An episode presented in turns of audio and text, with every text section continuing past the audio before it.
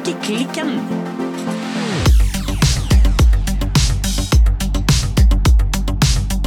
Hei, Birte. God dag, Silje. God dag. Silje, Ja, hva strikker du på i dag? Nå skal du høre, frøken Birte. Ja. Jeg holder på med ferdigstillingen av vårens store prosjekt, nemlig mitt aftenstrikk og raumapledd. Ja. 2749 milliarder tråder er nå Senere. ferdig festet.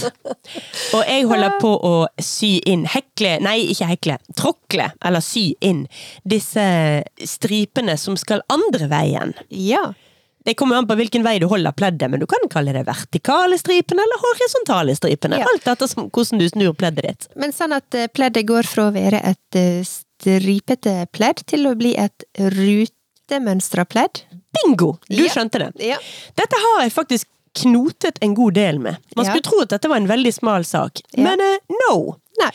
Altså, for ifølge oppskriften så skal du bare sy inn enkelttråd. Ja. Det, jeg gjorde det, jeg kom et godt stykke vei på det. Men det syns jeg var litt for uh, pinglete i uttrykket. ja, det viste ikke godt Nei, Nei jeg syns det var mye meg. jobb for uh, lite Lite visuelt vis- ja, resultat. ja. Jeg Så jeg dro ut igjen alle de trådene, og Ja. nå går jeg inn med dobbelttråd. Ja. Men eh, det verste er at jeg er ikke 100 sikker på om jeg kommer til å gjøre dette. Jeg kommer til å gjøre det et stykke på vei, og så rygge tilbake igjen, se om jeg liker det, og enten beholde det, eller rett og slett trekke det ut en gang til og gå tilbake til at det kun er et stripete pledd. ja, for det er jo veldig fint som stripete også. Det er det, og Ja. du skal jammen ikke tråkle mye skeivt eller sette stingene litt for mye på trynet før det ser veldig rart ut, altså. Nei. Så, eh, og jeg er jo, for å si det veldig enkelt, jeg strikker fort, og jeg eh, syr fort. Nei, det er ikke veldig beint, og jeg syns det blir veldig tydelig, de skeivhetene. Jeg skjønner. Men eh, da er jeg jo veldig spent eh, neste uke når du skal fortelle hva ditt eh, nye prosjekt eh, blir, da. Men det får vi ta neste uke. Det får vi ta, for nå er jeg nødt til å skyte i ballen rett tilbake til deg. For Birte, Ja. hva strikker du på i dag? Du, nå kaster jeg over et Neste nøste til deg her. Her fikk jeg meg et Oi! oi, Det var for det første veldig mykt og godt garn. Ja. Og veldig vakkert garn. Veldig spettet i fargene. Ja, sant det var det. Jeg har jo, altså jeg strikker jo på denne kardiganen min. Men i dag tenkte jeg skulle ikke fokusere på den, For jeg har to småprosjekt som jeg også driver og putler med innimellom. Putler på litt småprosjekt. Ja, Mhm. Jeg har jo nevnt flere ganger at jeg trenger meg ny hue. Ja. Eh, og det skal jeg strikke meg. Og det garnet du holder nå, det er Permin sitt Selma-garn, Ja. som er handfarga. Ja, og ikke bare håndfarger, for her står det 'hand-dyed with organic colors'. Yes. Altså, jeg så Jeg har mye restetråd hjemme som jeg egentlig tenkte å bruke til denne her Det Oslo-lue jeg tenkte å strikke, av Petinit.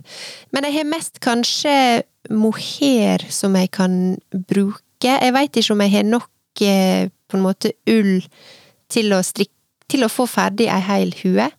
Men så så jeg denne fargen her, og jeg syns bare den var så utrolig fin. Det er litt sånn Det er lyseblått, Ja, jeg- mørkeblått Jeg må bare få eh, allerede arrestere deg og si at jeg syns det er morsomt at du sier 'jeg så denne fargen' Ja.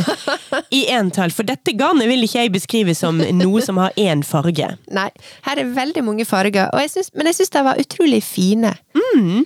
Nydelig fargespekter, fargeklang i dette garnet. Ja. Og nå skal du få slippe til å få lov å beskrive fargene vi ser i det flerfargede garnet ditt. Det er jo litt eh, dristig eh, til å være meg, men jeg ser for meg at dette kunne blitt en superfin både genser og cardigan og whatnot, men jeg tenkte at eh, jeg har litt sånn mål om at eh, på sånne småting så kan jeg være litt mer eh, dristig som en kontrast til mine mer eh, ensfarga, grå, mørkeblå, svarte garderobe. Mm. Eh, Men her er det grønt, det er ganske skarp grønnfarge. Det er lyseblått, det er mørkeblått, det er bruntoner eller jordtoner, rust.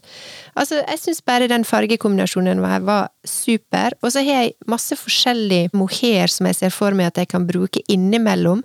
Så vil du egentlig ikke se at du, du skifter mohairtråden som følge, fordi at fargene her er så eh, spetta og eh, rike. Mm.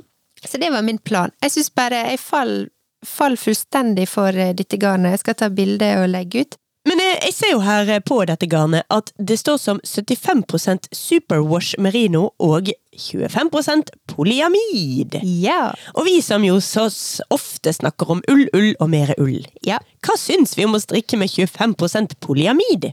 Eh, altså, innimellom så har jo jeg strikka med garn som har hatt en viss prosentandel polyamid. Mhm, Eh, Jeg òg. Kos fra Sandnes vel litt innslag. Drops sin Air. Så jeg velger å si som eh, Vi hadde jo eh, bærekraftseksperten eh, Hanne Wetland eh, på besøk her, og jeg velger å si som henne Jeg gjør så godt som jeg kan, men akkurat dette garnet var sånn det var. eh, Men jeg valgte å kjøpe det likevel. Ja, og jeg vil gjerne bare smelle til med noe av min egen erfaring her. Jeg strikket meg jo en genser i håndfarget garn fra Fjord Fibers. Det er også 25% polyamid, eller plastikk. Og eh, nå har jeg brukt den genseren mye, og det går rett og slett ikke an å se i det hele tatt. Og for en som da får nupper under ermene på absolutt alle andre plagg etter tre gangers bruk Ja. Jeg er jo en eh, nuppe, nuppemaker. Ja. Så må jeg jo si at det er ganske kjekt, det. altså. Det har fordeler med denne plastikken også, altså. Ja, det gjør jo noe med holdbarheten, sånn som du sier. Men jeg kan også hoppe bare veldig kjapt eh, bort til eh, min eh, hvilehattprosjekt Ja! av krauseri. Jeg har en liten eh, begynnelse her, som jeg faktisk ikke har strikka sjøl i det hele tatt. Oi, oi, oi, hvem har strikket dette? Dette er min kjære mor, som måtte være oppskriftsknuser. Ja. For jeg skjønte ingenting. Eh, Til sammen skjønte vi litt mer, men det ble faktisk best når eh, mamma bare fikk lov å take it away på egen hånd. Så beskriv for lytterne våre som da ikke ser det jeg ser her. Hva er det du sitter med? altså, nå, dette er jo toppen på denne her hvilhatten, som vil jo da få en fasong som en bøttehatt eh, når den er ferdig. Ja, Eh, Så nå er vi oppe på toppen av hodet, og du strikker med et eh, beige garn. Ja. Dette er Pellini fra Raumagarn. -hmm. Det er originalgarnet til eh, oppskrifta. Og det er 50 Pima-bomull og 50% lin. Ja, en skikkelig sommerhatt. Så jeg kaster den eh, over til deg også. Ja, og nå er jo sommeren eh, Vi kan vel si nå at sommeren er litt på hell, men det kommer jo en sommer neste år. Tenke langsiktig. Eh, dette her er ikke over eh, i en eh, sveip, holdt på å si. Så jeg skal nå fortsette på denne her eh, hvilehatten, men jeg vil nå bare vise fram ja, to planer som jeg også har i tillegg til denne her cardiganen. Men denne strikker du altså på fire altså sånn settpinner, som jeg ville kalle det. Fire, fem pinner blir det jo selvfølgelig når du har en du strikker med også. Men Ja. nå ser jeg litt på avstand her. Er det perlestrikk? Ja, det stemmer. Ja, altså perlestrikk, det vil si at du strikker rett over rett og vrang over rang, og slik blir plagget eh, ja, litt sånn perlete, Ja. og identisk, altså likt på eh, retten og vrangen. Ja, altså, det ser jo, selv om det er perlestrikk, så det ser jo nesten litt sånn hekla ut. Altså, Ja. det har en litt sånn hek hekla fil. Ja, perlestrikk har en heklet feel to it, sånn at, for det får liksom ikke Det blir ikke like elastisk og like veete. Nei. Du får ikke de der klassiske maskeveene som eh, glattstrikk har. Men eh, altså, du sier dette her er på Nå strikker jeg det på jeg, strømpepinner eller eh, settpinner. I oppskrifta står det magic loop, eh, og det skulle jeg nok gjerne ha gjort, men eh, nå begynte jeg sånn, og så ser jeg for meg at jeg kanskje går over på magic loop. eh, på et eller annet tidspunkt. Ja, Det kommer jo an på hvor vid den skal være, for jeg ser du har ganske korte settepinner. Så hvis du øker veldig mye, så vil jeg anbefale å hute deg over på Magic Loop IA. Eller Ja. så skal du tror jeg du skal få kose deg mye med å plukke opp eh, masker du har mistet på veien. Nei, det blir nok eh, en magic loop, eh, for det skal, her skal det aukast og aukast og aukast en god stund til. Du skal tross alt ha plass til hodet inni det der. Jepp.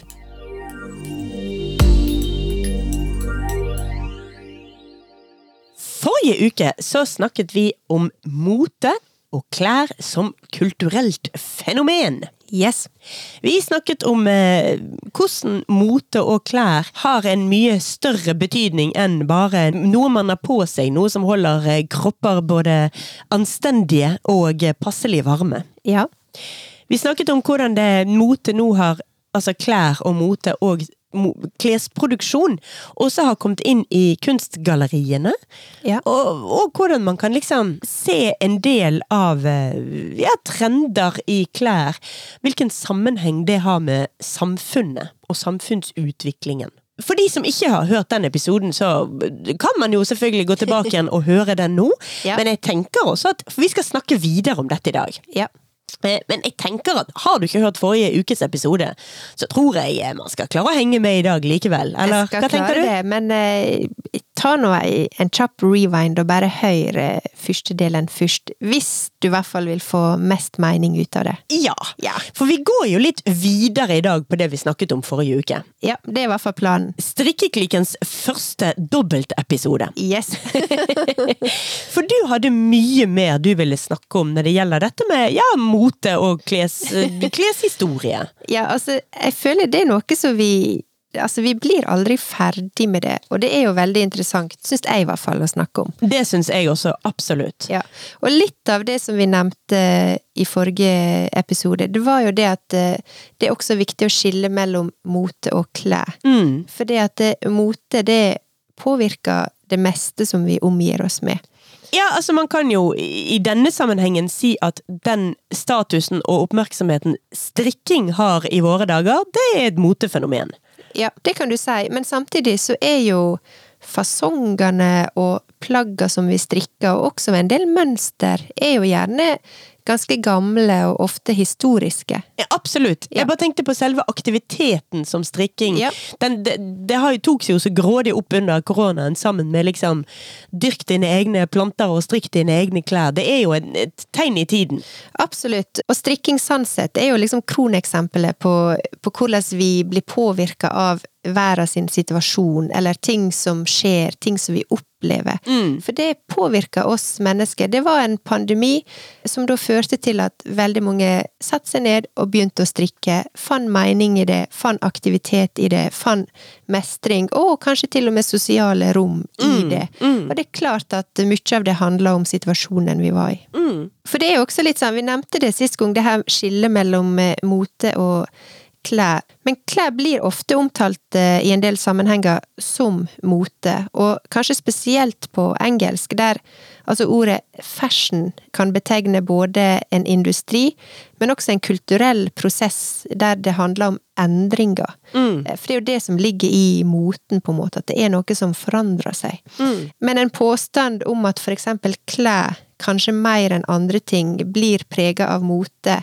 Det er gjerne noe som vi hører, men det er ikke like lett å på en måte si det empirisk.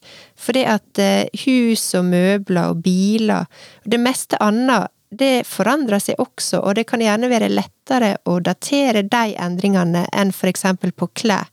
Fordi at mange av de klærne, eller plaggene som vi bruker i dag, de har en lang historie, og kan gjerne være 150 eller 10 år gamle, og kan brukes uten at det blir sett på som umoderne. Men det henger vel gjerne litt sammen med at man ofte bytter ut klærne sine raskere enn man bytter ut huset sitt og bilen sin og interiøret sitt.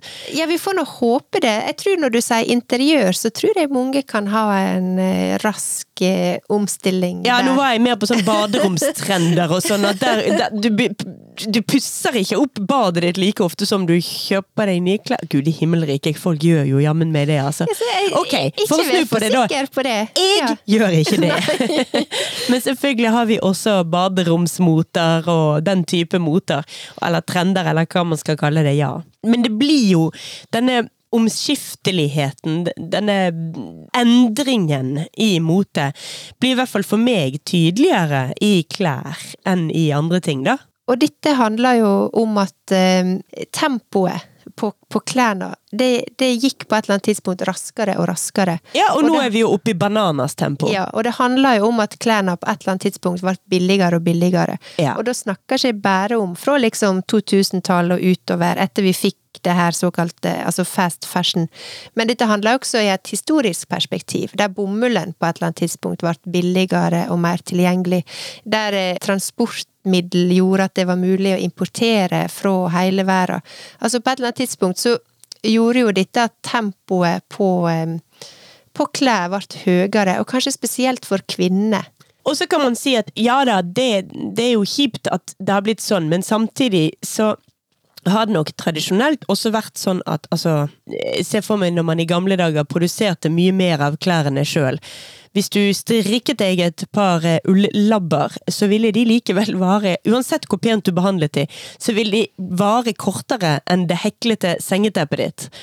Uansett. Sånn at du har mer mulighet for utvikling og variasjon og leking med klær enn andre ja andre ting vi omgir oss med, da, som man også har skapt. Ja, altså Tidligere så var jo på en måte mote noe som var eksklusivt og dyrt. Mm. Eh, men denne masseproduksjonen av klær, det gjorde at mote plutselig ble dette her siste, siste, nyeste nye, og du fikk eh, igjen dette her tempoet. Og disse her stadig raskere moteendringene og stadig billigere klærne, det har jo også ført til at vi nå kanskje kan begynne å snakke om litt at det er andre forhold enn bare mote som kan gi status.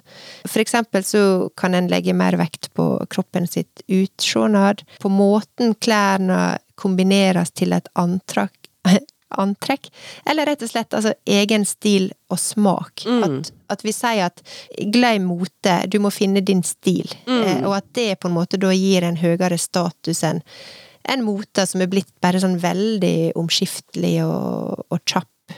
Men jeg har likevel lyst til å trekke dette liksom tilbake igjen til ja, kunst og kultur, og ja, mote og klær som kulturelle fenomener, da? Ja historisk sett, eller generelt sett, så henger mote ofte sammen med luksusmerker og moteshow, hva som er på catwalken.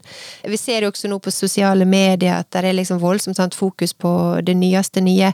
Men denne forståelsen av mote er egentlig veldig begrensa, og det omfatter egentlig bare en veldig sånn liten prosentandel av befolkninga. Mm. For det, det, som er faktum, det er at eh, mote også refererer til klær som befolkninga generelt bruker på et gitt tidspunkt, og at den generelle befolkninga bruker klær som er akseptabelt eller normalisert i deres sitt samfunn.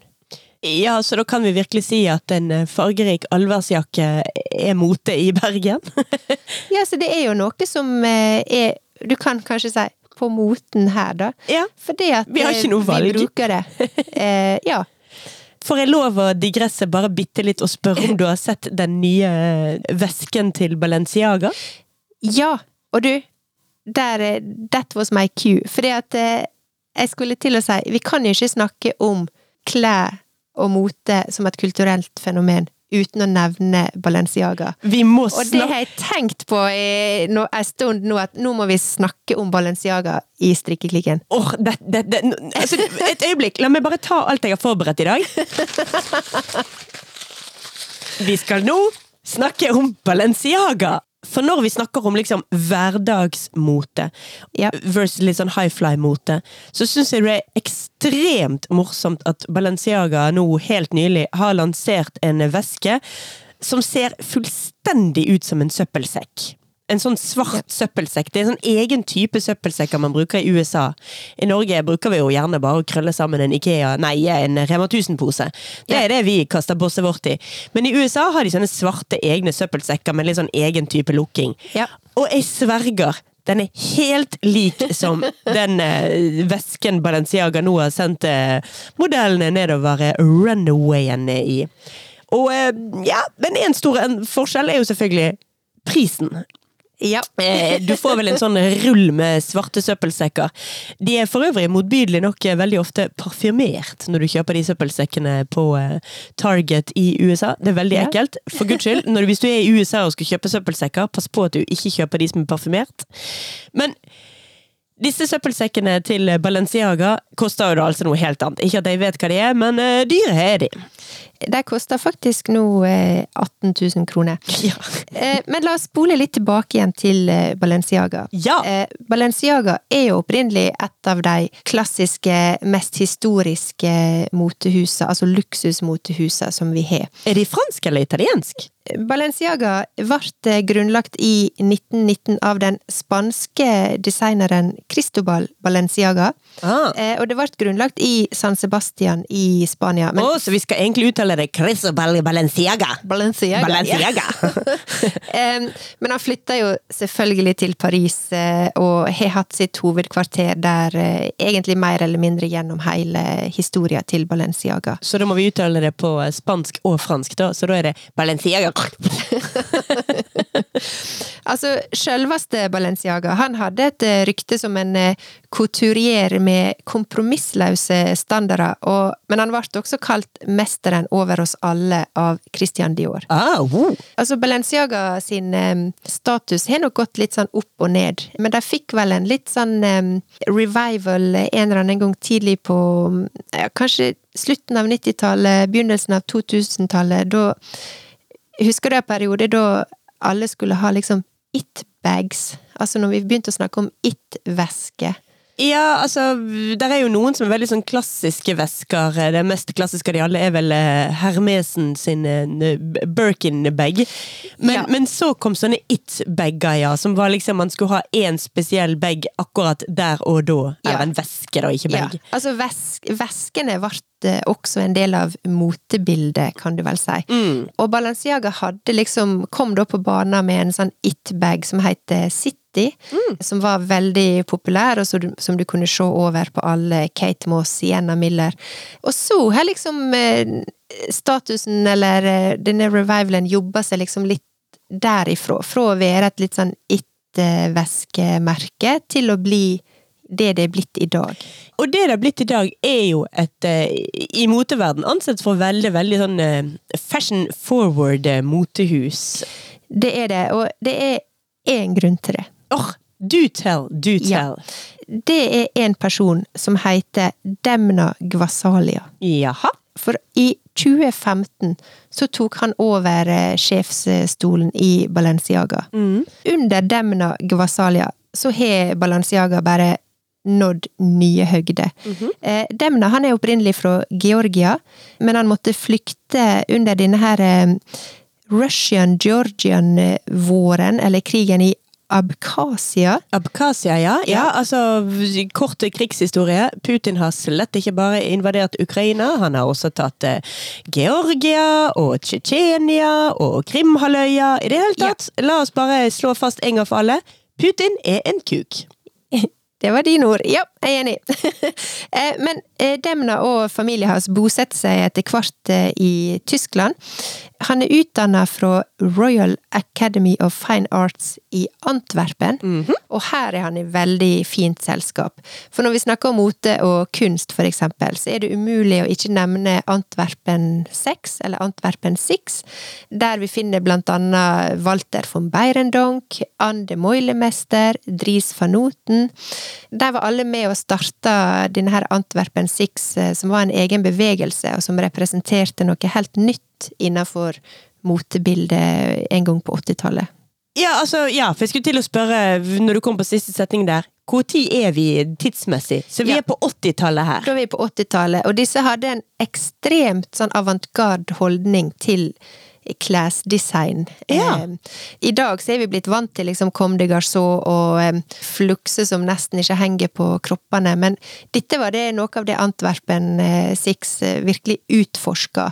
Det var altså surrealisme, avantgardisme De gjorde noe helt nytt og eget. Og Martin Margiela var også, en veldig, var også veldig sentral i motebildet på denne tida, og har også nær tilknytning til eh, Antwerpen eh, Six. Men det som skjedde, i hvert fall Demna han begynte å samarbeide med Walter von Bierendunk og Martin Margiela tidlig i sin karriere, og det gir bare så mening. Demna ble først sjefsdesigner for Louis Vuitton, men så tok han altså over Balenciaga i 2015. Ja. Litt samtidig så starta han også et merke som heter Vettemens. Aldri hørt om. Nei, Dobbel eller enkel V? Det er enkel V. Vettemens betyr produkt på fransk. Ah, Så i, I Frankrike så kan du gå inn i en, i en Vetements-butikk, eh, og der er det bare masse greier. Eh, men gjennom eh, Vetements så eh, utvikla Demna en veldig sånn unik eh, stil. Det var veldig sånn Altså, de kaller det litt sånn subversive eh, fashion. Altså, de snudde liksom opp ned på alt. Det var liksom De brukte typiske sånn haute couture-metode, men på en veldig sånn radikal eh, måte med, i forhold til redesign, et avantgarde uttrykk. Og så ekstreme, bare sånn Tenk deg litt sånn 10XL eh, dongeribukse eh, som egentlig ikke henger oppe, eller Altså, alt var veldig sånn oversiza og veldig sånn voldsomt gjort. Ja, så det er jo da ekstrem fashion, altså ekstrem klesdesign. Så ekstrem at det blir jo Ja, det blir kunstverk, for det blir altså wearable art mer enn klær. Ja, på en måte.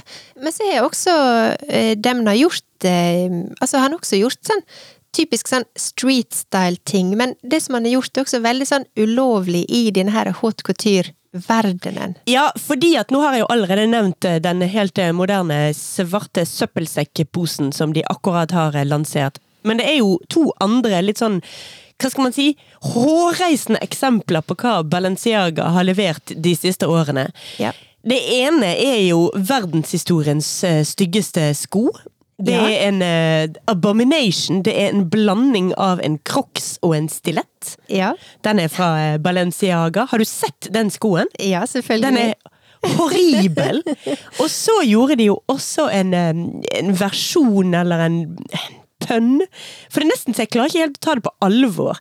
Men de gjorde en versjon av den klassiske Ikea-bagen. Den Ja. blå Ikea-posen. Som ser ut som den blå Ikea-posen, eh, men den er fra Balenciaga og koster da tilsvarende, jeg vet ikke, Mange tusen kroner. mange, mange Ja. tusen kroner. Jo, men det er akkurat det. Altså, han gjør uh, ulovlige ting. Vårkolleksjonen som han presenterte i vår, eh, var et samarbeid med Adidas, for eksempel. Eneste forskjellen på en sånn klassisk sånn tracksuit med tre striper på sidene fra Adidas, det var bare at det sto Balenciaga på brystet, og ikke Adidas. Og han leker hele tida. Altså, han leker med liksom høykultur, lavkultur. Sånn som du sier, Crocs, som er liksom den mest utskjelte skoen. Plutselig tar han den inn i varmen, og så klarer han på en eller annen måte å gjøre det kult. Men det er fullstendig ulovlig. Men jeg klarer ikke helt å fri meg fra følelsen av at han bare At han bare viser fingeren og leker og kødder. altså, hvem i alle dager kjøper Crocs stilettsko eller en svart søppelsekk eller en blå Ikea-bag til Jeg vet ikke hvor mange tusen det koster. 30 40 50 000? Hvor langt opp Altså, snakker vi russiske oligarker sine koner og kjærester som går rundt med dette, og hvem viser han i så fall fingeren til? Hvem er dette kult for? Jeg syns det er litt sånn vanskelig å si, men han har jo en ekstrem following. Veldig sånn kult eh, following. Eh, men jeg tenker at vi skal ikke ta det altfor seriøst. Han sier sjøl om denne her søppelposen, da. Han sier jeg kunne ikke gå glipp av muligheter til å lage den dyreste søppelposen i verden. altså, hvem elsker ikke en moteskandale? Si Demna sjøl. Altså, jeg, respect! Så, jeg ler jo av det, jeg også. Men jeg ler vel kanskje mer av da folkene som ender opp med å kjøpe dette her. Kim Kardashian West. Jeg vet ikke om hun fremdeles bruker West, forresten. Ja. Er jo kjent for å bruke mye Balenciaga. Ja. Hun ser jo like jævlig ut med det som alle andre som bruker det. Jeg mener, ingen kan få Crocs-stilettsko til å bli pene. Så jeg, personlig ler jo jeg mer av eh, folk som bruker dette, enn med de, føler jeg, da. Men kanskje Ja. er det jeg som ikke skjønner humoren her? Nei, så jeg skal ikke si at det er en humor, men at eh, han byr på noe nytt. Han snur opp ned på altså konvensjoner og regler. Altså, for noen år siden så ville det vært helt uhørt eh, å sende en jeans eh, nedover en hot couture-visning, for eksempel. Mm. Han gjør hele tida noe nytt, eh, og jeg må flire av det, men jeg tror jeg har en følelse av at Demna er den som vil le sist til slutt. Ja, og i, uansett så ler han nå sikkert hele veien til banken, så han eh, føler nok at både Demna og Balenciaga ler eh, Ja, vinner over min, eh, min kakling fra Ytre Sandviken, så ler nok han høyere i Paris, altså. Jo, men altså, han er jo også Han blir jo også sett på som en veldig stor kunstner. Eh, og det er jo en arv som jeg syns han bærer med seg med troverdighet. Altså, i vinter så sendte han modellene ut på en slags sånn 360 graders eh, utendørs catwalk i vinterstorm. Oh. Og dette var i ren støtte til eh, Ukraina. Mm. Og jeg var også en av de som fulgte med da han presenterte Balenciaga sin eh, haute couture-kolleksjon tidligere i sommer. Altså, han bruker maske, det er sånne catsuits. Han bryr ikke seg om menn eller damer går i menn- eller dameklær. Nei. Og det han er skapt, er, det er sinnssykt imponerende, og det er liksom alt fra liksom, ja, Kim Kardashian til eh, kunststudenter som liksom skraper sammen sine siste kroner for å bli en del av dette her. Og det som er så morsomt også, er at disse her catsuitene, for eksempel, det er jo bare en svart eh, slags sånn lateksdress. Mm. Den er jo veldig enkel, det er ikke Men det er liksom bare Det er så, også så og i sin reneste form på en eller annen måte. Det er også så enkelt. Og han sier også at han hadde også eh, menn som gikk med høghæla sko og store, flotte haute couture-kjoler på denne visninga. Og han sier også sjøl at eh, når han var liten, så prøvde han på liksom eh, de høghælte skoene til mora, men han ble liksom eh, straffa umiddelbart fordi at det var ikke akseptabelt for en gutt eh, å gå med høyhæla sko i den kulturen eller i det samfunnet der han vokste opp.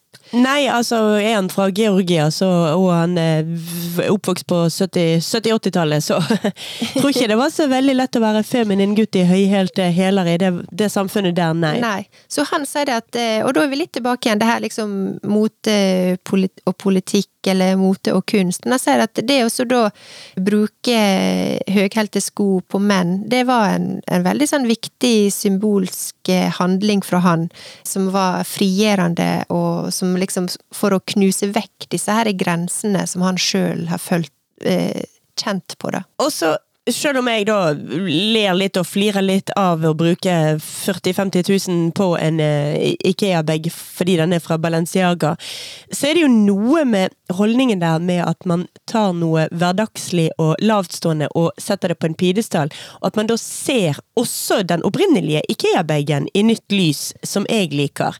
Ja. Akkurat Ikea-bagen syns jeg kanskje ikke er så pen uansett, eh, og heller ikke den svarte søppelsekken, men det at man kan ta ting man omgir seg med til hverdags, og Ja. se de i nytt lys, Ja. syns jeg jo er noe vi alle kan eh, ta inn over oss og lære noe av, og la oss bli inspirert av. Kanskje mer det enn å liksom si å ja, det var gøy at Balenciaga eh, gjorde det. Jeg vil ha den bagen fra Balenciaga. Jeg trenger yeah. det objektet.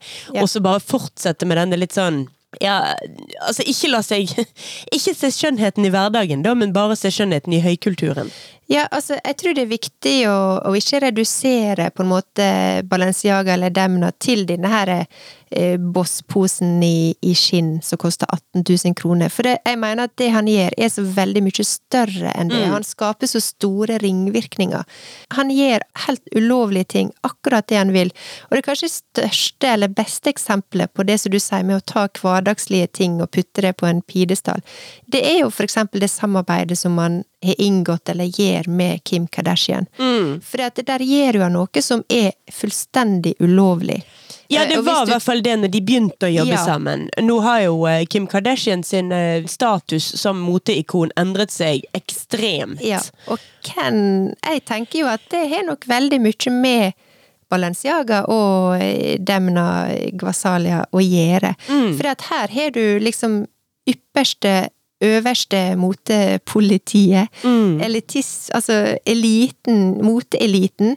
Og så plukker han opp liksom eh, Det som da var en reality-stjerne med fake tan og en sånn rosa babydoll. Hun Ja. var- kledde seg jo helt jævlig Hun kler seg fremdeles helt jævlig, men da kledde hun seg virkelig forferdelig. Ja, altså symbolet på mainstream og symbolet på konsum. Altså der har du virkelig to forskjellige Altså der, der kolliderer moteverdenen.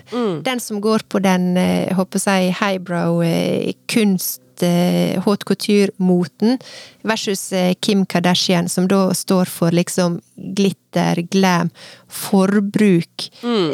massekonsum, fast fashion. Alt som liksom er feil med mota. Men han har liksom tatt dem og på en måte smelta det sammen, og så har det blitt en egen greie. og Sjøl meg, jeg vil kalle meg en motesnobb, men jeg kan plutselig ta meg i noe og se Kim Kardashian i noe, så kan jeg tenke litt sånn Hm, det var jo faktisk litt, eh, litt forward, eh, akkurat dette der. Og det er ene og alene på grunn av Balenciaga.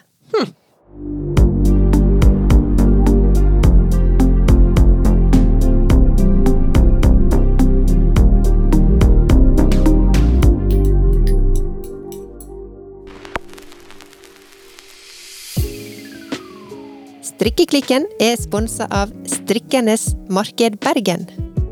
I mars var vi så heldige å få være med på Strikkernes marked på Bergen Kjøtt. Det var mye folk, mye ull og garn, mye strikking, god mat og skikkelig god stemning. Det var rett og slett en strikkehappening. Nå skal suksessen gjentas, og helga 10. til 11. september skal den gamle fabrikkhallen på Bergen Kjøtt atter en gang bli fylt med all verdens strikketing, garn og strikketilbehør i alle former og farger. Når Strikkernes høstmarked igjen inviterer til strikkemarked i hjertet av Bergen. Det blir selvfølgelig markedsplass, strikkekafé og liveinnspilling av podkast. Og lørdagskvelden klokken syv så blir det eksklusiv strikkefest med middag, barservering og quiz. På søndagen så blir det markedsplass og strikkekafé for publikum. Inngang til markedet koster 20 kroner, mens barn under 10 år kommer inn helt gratis. For mer informasjon, program og utstillere, så kan du følge Strikkernes Marked Bergen på Instagram. Eller sjekke ut nettsiden strikkernesmarkedbergen.myshopify.com. Vi ses på marked!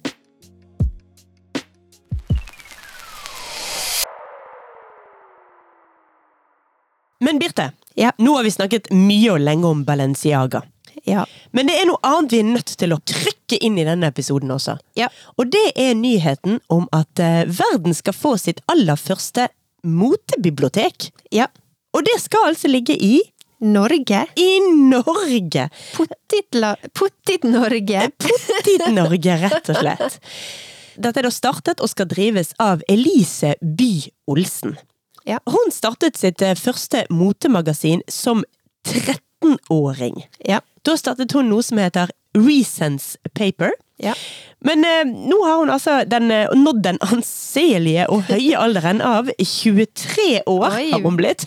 Vi blir alle voksne til Ja, ja, ja, gamle, gamle. Så nå er hun klar for å bli direktør for verdens første motebibliotek. International Library of Fashion Research, eller ILFR. Dette her skal være et internasjonalt motebibliotek og et levende senter for motediskurs lokalisert i Oslo. Basisen det er en unik samling av motebransjen sine trykte medier. Ja. Altså både moteblader og kataloger og ja, forskjellige typer trykte materiell som de forskjellige motehusene har trykket opp. ILFR, altså International eh, Library of Fashion Research, de har allerede lansert nettsiden sin. Men nå, i løpet av høsten 2022, så åpner de fysiske lokalene i Oslo. Dette biblioteket, der har det helt nylig blitt eh, offentliggjort at plasseringen av det fysiske biblioteket, det blir på eh, den såkalte mellomstasjonen som ligger i Oslo, og det skal gjøres i samarbeid med det nye Nasjonalbiblioteket i Oslo. Elise By Olsen ble intervjuet av eh, siste utgave av magasinet Kunstpluss, og til Kunstpluss så uttaler hun at eh, hun anser mote som et utgangspunkt for en større samfunnskritisk samtale. Hun snakker her eh, i intervjuet i Kunstpluss om klær som kultur, som kommunikasjon, klær som politikk og klær som makt. Mm.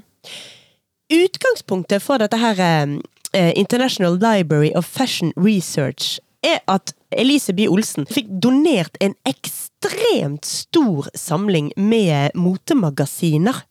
Og da må vi jo egentlig allerede begynne å snakke om hva er egentlig et motemagasin? Altså, Motemagasin Jeg vil jo si at de har forandra ganske mye på hva skal jeg si, sin misjon eller sitt innhold eh, etter hvert som internett eh, har kommet på banen. Mm. Jeg har en ganske stor samling med gamle motemagasin hjemme med meg. The Face, for eksempel, som var veldig eh, ledende over en lengre periode. ID, for eksempel. Mm. Um, og når jeg ser på de gamle motemagasinene, så var jo dette først og fremst en informasjonskanal. Mm. Og det kan minne litt om en feed på Instagram, eller Det var litt sånn morsomt å se. For det som skjedde når Instagram eller når internett kom, det var jo at motemagasiner for å overleve ble mer kunstneriske, brukte mer tid, større bilder, flottere papir, kanskje litt mer bokformaktig enn det hadde vært før. For tidligere var det litt sånn gossip, hot or not, masse reklame. Ikke nødvendigvis det her smakfulle magasinuttrykket som vi kanskje i dag forbinder motemagasin med. Mer og mer, i hvert fall. Ja, altså jeg vil jo si at eh, det tidvis kan være litt sånn vanskelig å skille mellom motemagasiner og eh, coffee table books. Ja. De ligger liksom der framme, ofte til både glede og inspirasjon. De er jo selvfølgelig ekstremt opptatt av det visuelle. Ja. Det skal være en helhetspakke, det skal være godt å bla i et motemagasin.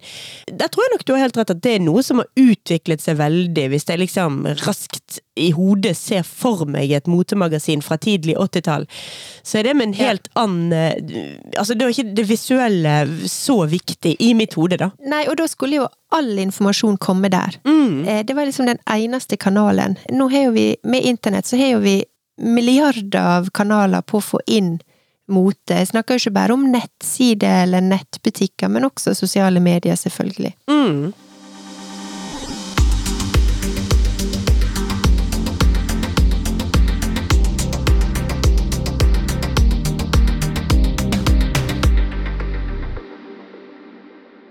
Men en annen ting som er selvfølgelig interessant, eh, det er jo nettopp det som eh, Elise Bye Olsen sier, og som jeg syns også vi snakker om ganske ofte, og gjorde det både i forrige episode og denne episoden, nettopp det her at klær, og kanskje også mote, da, er, er gjerne noe større. eh, Og har kanskje større betydning i samfunnet, bevisst og ubevisst, enn Mm. det vi kanskje har, har tenkt eller trodd. Ja, kjernen i International Library of Fashion Research, det er over 5000 bøker, kataloger og annet motemateriale som hun Elise Bye Olsen har fått i gave av sin mentor, som er kultur- og merkevareteoretikeren Stephen Mark Klein. I tillegg så kommer masse stoff fra magasiner og motehus som Vogue, Comme des Garçons, Akne osv. Ja. Og da må jeg spørre deg, Birte. Har du et eh, favorittmotemagasin? Ja, altså, jeg er jo jeg er jo egentlig veldig glad i The Face, for eksempel. Mhm. Og det er jo fordi at de var ikke bare et motemagasin, men, men også altså en populærkulturell referanse, eller det var mye snakk om subkulturer, musikk og mote hand i hand. Det er klart Når jeg ser tilbake på det nå, så ser jeg også at The Face var også et motemagasin av si tid, pre-internett. Og at eh, det, hadde det kommet i dag, så hadde det nok ikke hatt det samme innholdet og den samme estetikken. Men hvis jeg skal få lov å trekke fram et um, nyere motemagasin som eksisterer side om side med internett, så vil jeg kanskje peke på The Gentlewoman, Oh, ja. som er et uh, veldig fint uh, magasin med fine bilder, intervju med interessante personer, og fokus på altså det tidløse og det som skal vare. Ja, for jeg har gjerne lyst til å trekke fram et annet eh, tidsskrift som jeg egentlig føler passer ekstremt godt inn i denne her mote og klær som kulturelle fenomentemaet vårt. Og det er The Interview. Som jo først ble startet av Andy Warhol. Det het først Andy Warhols Interview, Ja. men har byttet navn nå.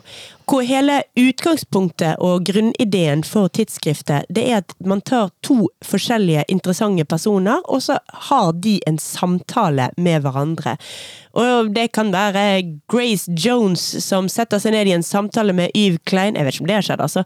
Men alle disse har vært med i det. Det kan være um, i det hele tatt to personer i en samtale. Men kombinert med at det er også et eh, motemagasin. Så du har mote og kultur og kunst og helheten der. Ja. Og det er jo også noe av det som eh, dette her er International eh, Library of Fashion Research skal jobbe mye med. Det er jo da å se på mote og klær som kulturelt fenomen, og ta det på litt større alvor.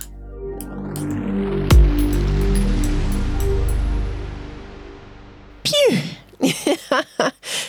Ja, nå har vi bablet om eh, mote og klær og uh, finkultur og høykultur i, uh, i det store og det brede, Birte. Ja, vi har det. Jeg storkoser meg, og jeg ser bare at det er jo fortsatt så mye som vi ikke får tid å snakke om. Så altså, det kommer en, eh, om ikke en del eh, tre nødvendigvis neste uke, så kommer det i hvert fall Altså, dette temaet eh, blir ikke vi ferdig med. Nei, vi gjør ikke det. Og så må vi jo si at vi har jo noen lyttere som er mer rent opptatt av strikking og håndarbeid. Og det er jo ikke som om ikke dette er relatert til det også. Mm. Når vi strikker, så lager vi jo tekstiler og klær, og det henger sammen. Ja. It is all connected, rett og slett. Det er det, jeg håper jeg, maske for maske. Trenger bare trekke én tråd, så rakner det hele. Ja. På den ene eller andre måten. Så for å oppsummere ekstremt kjapt. Ja. Balenciaga var startet av en spansk mann som het Balenciaga. Ja. I dag er det drevet av en georgisk mann som heter Demna Gvasalia. Åh, takk, for det var så vanskelig navn at jeg hadde glemt det. Ja. Og Demna lager altså blant annet sorte søppelsekker og Ikea-bager og Crocs med stiletthæl. Ja, samtidig som man, eh, jeg vil påstå, revolusjonerer hele motefeltet. Ja. Ja. I tillegg skal Elise By Olsen lage et International Library of Fashion Research. Ja, og så var det liksom Men hva var det alt dette her egentlig handla om? Jo, det er jo det at klær er så veldig mye mer enn det plagget du tar på deg. Og mote er så veldig mye mer enn bare hva som er inn i dag og ut i morgen. Og det er det jeg syns er så interessant å snakke om. Og jeg er så glad for at Jeg vet ikke om eh, vi trenger å få lov fra noen, men jeg er så glad for at vi kan snakke om det her i denne podkasten. Det er jeg også. Og vi kommer til å snakke mye mer om dette fremover også. Yes. Men nå gjenstår det rett og slett bare å si ha det på badet. Ha det, Silje. Vi snakkes! Yes!